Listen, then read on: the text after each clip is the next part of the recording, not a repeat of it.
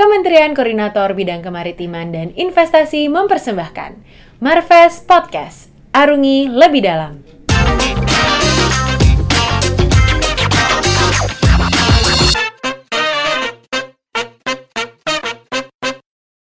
Oke, selamat malam uh, Mbak Mbak semua. Mungkin kita bisa memulai dengan uh, perkenalan diri. Ya, uh, perkenalan uh, namanya Anissa. Oke, uh, ini sebenarnya kita udah semuanya. Uh, nama saya Konita Rafisrani. Nama aku Aurelia Agnes Nadia Sumaiko. Sebenarnya secara garis besar tuh apa sih yang dilakukan di D3 gitu? Kalau di Deputi Infrastruktur dan Transportasi secara umumnya udah tergambar di nama deputinya ya, Infrastruktur dan Transportasi. Tapi sebenarnya secara garis besar, Deputi 3 itu uh, karena infrastruktur ada di berbagai macam bidang.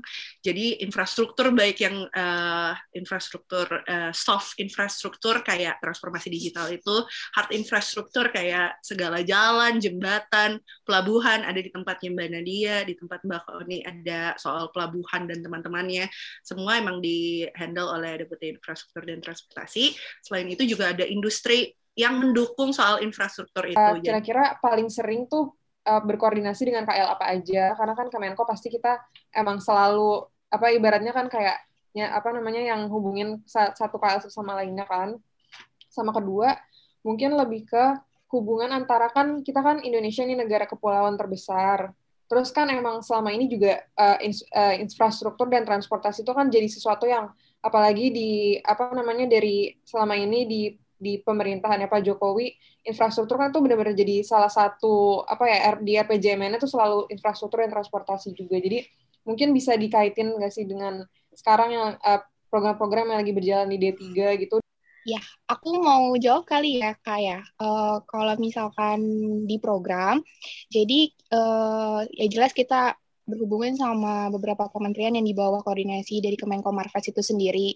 Cuman untuk yang di program sendiri, kita ada program uh, prioritas dan juga quick win. Jadi beberapa uh, kegiatan ataupun kinerja terkait Deputi 3 yang memang dijadikan prioritas untuk mendukung uh, dibangunnya transportasi dan juga infrastruktur itu uh, benar-benar dipantau di kita. Dan juga salah satunya untuk pemerataan infrastruktur itu sendiri di program juga uh, salah satu menjadi IKU dari Menko itu juga ada perihal indeks disparitas wilayah.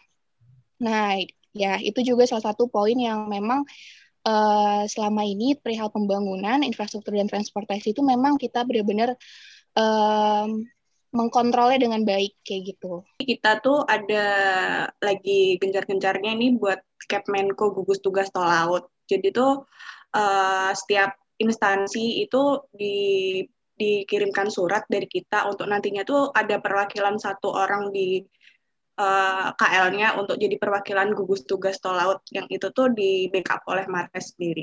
Ada nggak sih uh, pernah handle program atau misalnya pengalaman aja yang di mana kayak rasanya apa ya um, pengalaman yang berkesan gitu loh. Entah itu misalnya ngerasa kayak oh membuat dampak bagi masyarakat sekitar atau bisa bisa ket, uh, bisa ketemu. Karena kan pemerintah pusat kan kita cakupannya se Indonesia nih dari ujung dari Sumatera sampai Papua. Jadi uh, kira-kira ya dari sisi itu sih pengen tahu aja nih pengalaman pribadi mas aku lebih kalau ke pribadi sendiri ya uh, kalau kerja selama kerja di maritim itu kayak kita tuh lebih diasah buat bisa koordinasi gitu loh sama orang-orang luar sama tim juga. Kerja tim tuh di sini tuh kayak lebih uh, lebih effortnya tuh lebih banget untuk tim daripada kerja sendiri. Terus uh, itu aja sih kali ya bagus mbak poinnya sebagai Kemenko ya mm-hmm. okay. jelas uh, selanjutnya mbak Fani Iya kalau dari aku sendiri sebenarnya uh, sama sih kayak Nadia yang tadi kayak mbak Nadia yang bilang cuma mungkin uh, tambahan karena pengalaman pribadi kar um, merasa kalau di Kemenko Marves ini sebagai salah satu lapisan teratas sebelum kebijakan rekomend apa sebelum sebelum kebijakan-kebijakan keluar ke masyarakat kan soalnya kan uh, jadi kayak uh, sebenarnya di kementerian lain itu udah menganalisis hal tersebut terus jadi ya kita itu kayak double cross check gitu dari ke, dari Kemenko Marvesnya nah, uh, lebih kritis lagi gitu untuk mengeluarkan apakah uh, rekomendasi ini tuh tepat atau enggak untuk ke masyarakat kayak gitu. Silakan dari Mbak ya. Kalau aku sih karena ngurusin uh, industri dan kawasan industri dan ngikutin terus dari awal, jadi um, apa ya buat pengalaman pribadi ya ngelihat perubahan sebuah daerah yang awalnya hutan doang gitu, terus tiba-tiba ada industri, ada kota yang tiba-tiba muncul di sana tuh jadi sebuah apa ya kayak ada kayak ada kebanggaan tersendiri. Eh, ya ampun ternyata jadi juga ya, ternyata perekonomian mereka bisa berkembang ya dengan adanya program ini gitu. Dan itu tuh bukan cuma di satu tempat, ada di berbagai macam tempat yang ada kawasan industrinya, semua merasakan hal-hal yang positif seperti itu. Oke, Mbak. Nih, aku mau nanya, uh, ini nanyanya yang rada asik sih, maksudnya apa ya kayak keunikan gitu dari D3 ini sekalian kayak promosi gitu lah sama teman-teman CPNS gitu. Um, apa ya? Yang nggak dipunya kayaknya hampir sama aja ya. Kalau kita emang agak-agak um, mungkin kelihatannya kalau di zoom gini kayak pada cakep-cakep coba kalau pas di kantor. karena wanita perkasa gitu loh kayak disuruh muli juga oke okay, gitu. Oke okay, ini ini bener-bener ini menarik banget sih buat apalagi cowok-cowok. Pasti banyak pelamarnya kan tercocok nih infrastruktur dan transportasi berarti ladang ladang cari jodoh lah ya di D3 gue sebenarnya kayaknya di dia tiga banyak yang cowok di tiga banyak yang cowok tapi kita yang dipilih cewek-cewek semua di sini. Ada mungkin mau ada pesan kayak buat teman-teman kalian teman-teman calon pelamar yang ganteng masuk D3 gitu. Ya nih, ya ampun, kasihan nih teman-teman saya nih, aduh. Kaget loh, aku kira D3 malah banyakan cowok, enggak ya? Iya, ini kebetulan aja yang cewek-cewek nggak tahu nih anak dari. Tapi banyak, tapi banyakan cowok apa cewek? Kayak kan cowok. Cowok. Cowok, Kak. Oh. Di ASDEP aku dulu, aku dari berdelapan cuman sendiri ceweknya. Sekarang nambah berdua. Aku Jadi, di program cewek juga sendiri. jadi ada angkatan yang 2019 itu kalau nggak salah, jadi dari mereka berberapa ya? 17. 17. Dan Coba angkatan 2020 dong. emang cuma berdua. 100% cewek lagi kalau kayak gitu. Yang tujuh belas cewek ceweknya cuma dua dari tujuh belas. Nah, menambah cewek di detik ya. Oke.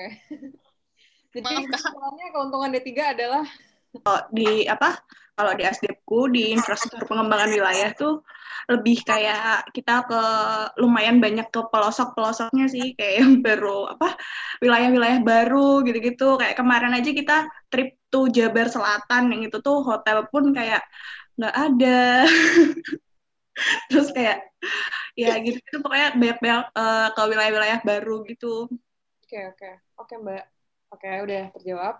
Berarti ya, aku lanjut kenapa mbak enggak sih apa uh, bener katanya tadi Mbak Dinta bilang kalau misalnya di konektivitas kalau dari hasil konektivitas ya itu nyobain MRT kayak gitu.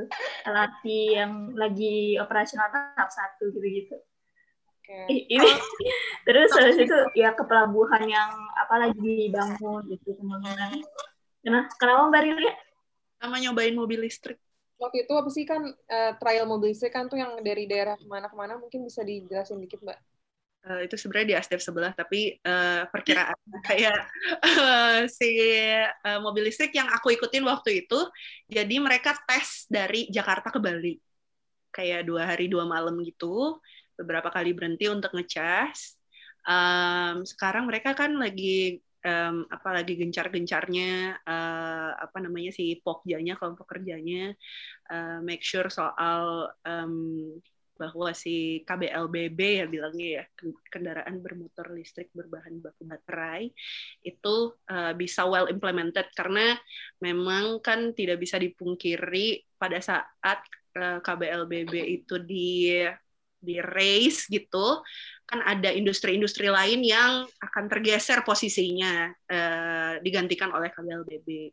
Jadi memang sekarang lagi gencar-gencarnya untuk uh, membuat regulasi turunan dari perpresnya um, supaya bisa well implemented. Oke, ini udah udah sang, udah menjawab Mbak. Jadi kita lanjut ke pertanyaan selanjutnya. Uh, mungkin aku pengen bahas tentang uh, generasi muda di dalam pemerintahan. Mbak, Mbak semua nih yang udah merasakan kan juga perwakilan generasi, uh, anak muda nih kan yang di pemerintahan. Itu kira-kira ada apa ya? Ada tanggapannya nggak sih tentang ini? Kalau aku sendiri uh, sejujurnya sampai detik ini pun stigma yang aku rasain itu kayak lolos PNS karena bayar ya, karena nyogok ya, pasti kayak gitu kan. Tapi pada kenyataannya uh, yang sebenarnya yang mungkin masih banyak orang juga belum tahu, ternyata jadi PNS itu juga sama halnya dengan pegawai swasta juga kerjanya. Nggak ada istilah yang namanya santai, istilah yang namanya ya udah datang seenaknya pulang lebih cepat gitu. Itu nggak ada sama sekali. Semuanya itu sekarang udah terukur. Apalagi baru-baru ini dari di sekretaris deputi itu sudah mulai ada uh, sosialisasi perihal reward and punishment jadi hal-hal kecil pun sekarang tuh sudah mulai apa ya diperhatikan lah secara detail gitu kan. Nah dari reward and punishment ini salah satunya perihal kinerja pegawai gitu. Nah, di Kemenko ini udah mulai sosialisasi juga kalau misalkan kinerja pegawai itu uh, tidak bagus atau misalkan menurun, itu juga ada pemotongan tunjangan kinerjanya gitu. Jadi memang sebenarnya stigma-stigma hal-hal buruk perihal PNS itu tuh udah nggak berlaku lagi sekarang. Karena bahkan aku ngerasain aku jauh lebih aktif bekerja di sini dibandingkan di perusahaan swasta dulu. Kalau menurut aku di D3 sendiri tuh cukup kaget juga pas pertama kali masuk. Itu kayak kayak apa uh, orang-orangnya muda-muda muda-muda semua hampir semuanya malah muda-muda gitu loh uh, jadi menurut aku di pemerintahan uh, apalagi di kementerian gitu kan uh, untuk yang muda-muda tuh menurut aku pandangan aku tuh kayak lebih gesit lebih lebih uh, tentang open mindednya lebih itu talah lebih lebih open minded untuk sekitar gitu stigma PNS yang paling melekat itu soal ah PNS tuh santai-santai gitu masuk terserah jam berapa pulang terserah jam berapa bisa ongkang-ongkang kaki bisa gitu. Dengan uh, dengan ekspektasi demikian saya masuk lalu terkaget-kaget ternyata betul kayak kata Anissa um, kerjanya lebih keras justru. Walaupun gimana ya kalau menurut aku pribadi lebih baik kita stres karena kerjaan dibanding stres karena atasan kan. Kalau misalkan stres karena kerjaan kan itu bisa selesai gitu. Tapi kalau stres karena atasan kita akan terus-terus sama dia gitu kan. Tapi aku ngerasa di D3 entah kenapa atasannya itu benar-benar mengayomi terus juga benar-benar apa ya? Uh, kita diajarin, dikasih tahu dan nggak ada nggak ada uh, kayak disalahin tanpa kita tahu salah kita di mana. Pokoknya memang untuk itu sih keunggulannya mungkin atasannya memang baik, kan? Berarti uh, dari segi kepemimpinan terus juga budaya budaya kerja dan budaya organisasi di D3 tuh kondusif ya untuk berkembang dan belajar gitu ya Mbak kesimpulannya. Betul, betul. Mantap. Oke, ini bisa jadi poin promosi juga Mbak. Oke, ini mungkin aku kayak pertanyaan terakhir sebelum yang penutup. Itu eh, kan tadi kita udah bahas nih kayak the perks-nya nih di D3 di pemerintahan. Tapi kira-kira ada juga nggak sih hal-hal yang mungkin terutama buat uh, teman-teman yang uh, calon-calon pelamar yang mau jadi jadi PNS di Kemenkom Marves itu yang kira-kira tuh ya buat apa ya ekspektasinya yang akan menjadi tantangan tuh kira-kira gimana? Apalagi kan yang ngebandingin pemerintah dan swasta gitu kan banyak nih dari swasta juga kira-kira waktu expect sih gitu dari segi tantangan. Siapa tahu kan mereka jadi kayak oh oke okay, berarti karena ada tantangan ini akan kayak gini-gini nanti gitu mbak. Aku mau duluan kalau yang ini Uh, sebenarnya um, kalau what to expect uh, masuk di Kemenko Marves, jangan pernah expect bahwa kalian akan uh, kerja santai di sini karena kerjaan kita banyak. Kita punya pemimpin kayak Pak Luhut itu yang kerjanya cepat dan kerjaannya emang banyak yang dikasih sama presiden. Jadi uh, kalau expect untuk santai-santai, kayaknya bukan di sini tempatnya. Sama ini sih tambahan harus sabar dah itu. Kenapa tuh mbak sabarnya maksudnya gimana tuh? Sabarnya bisa dielaborasi nggak? Iya maksudnya uh, kadang gimana ya? Kalau ya tadi sih sebenarnya sih mirip sama yang Karil ya bilangin udah mencakup semua. Cuman sabar ini dalam arti uh, please kalau mau masuk ke Kemenko Maritim kalian harus milih ini karena pakai hati gitu. Jadi kalau kita kerja pakai hati pasti akan sampai ke hati juga kan hasilnya juga akan bagus orang-orang juga akan ngerasain uh, kerjanya memang nggak sembarangan gitu intinya kalau kita berawal kerja tuh pakai hati seberat apa pun itu nggak bakal berasa. Sampai, Sampai ketemu di D3.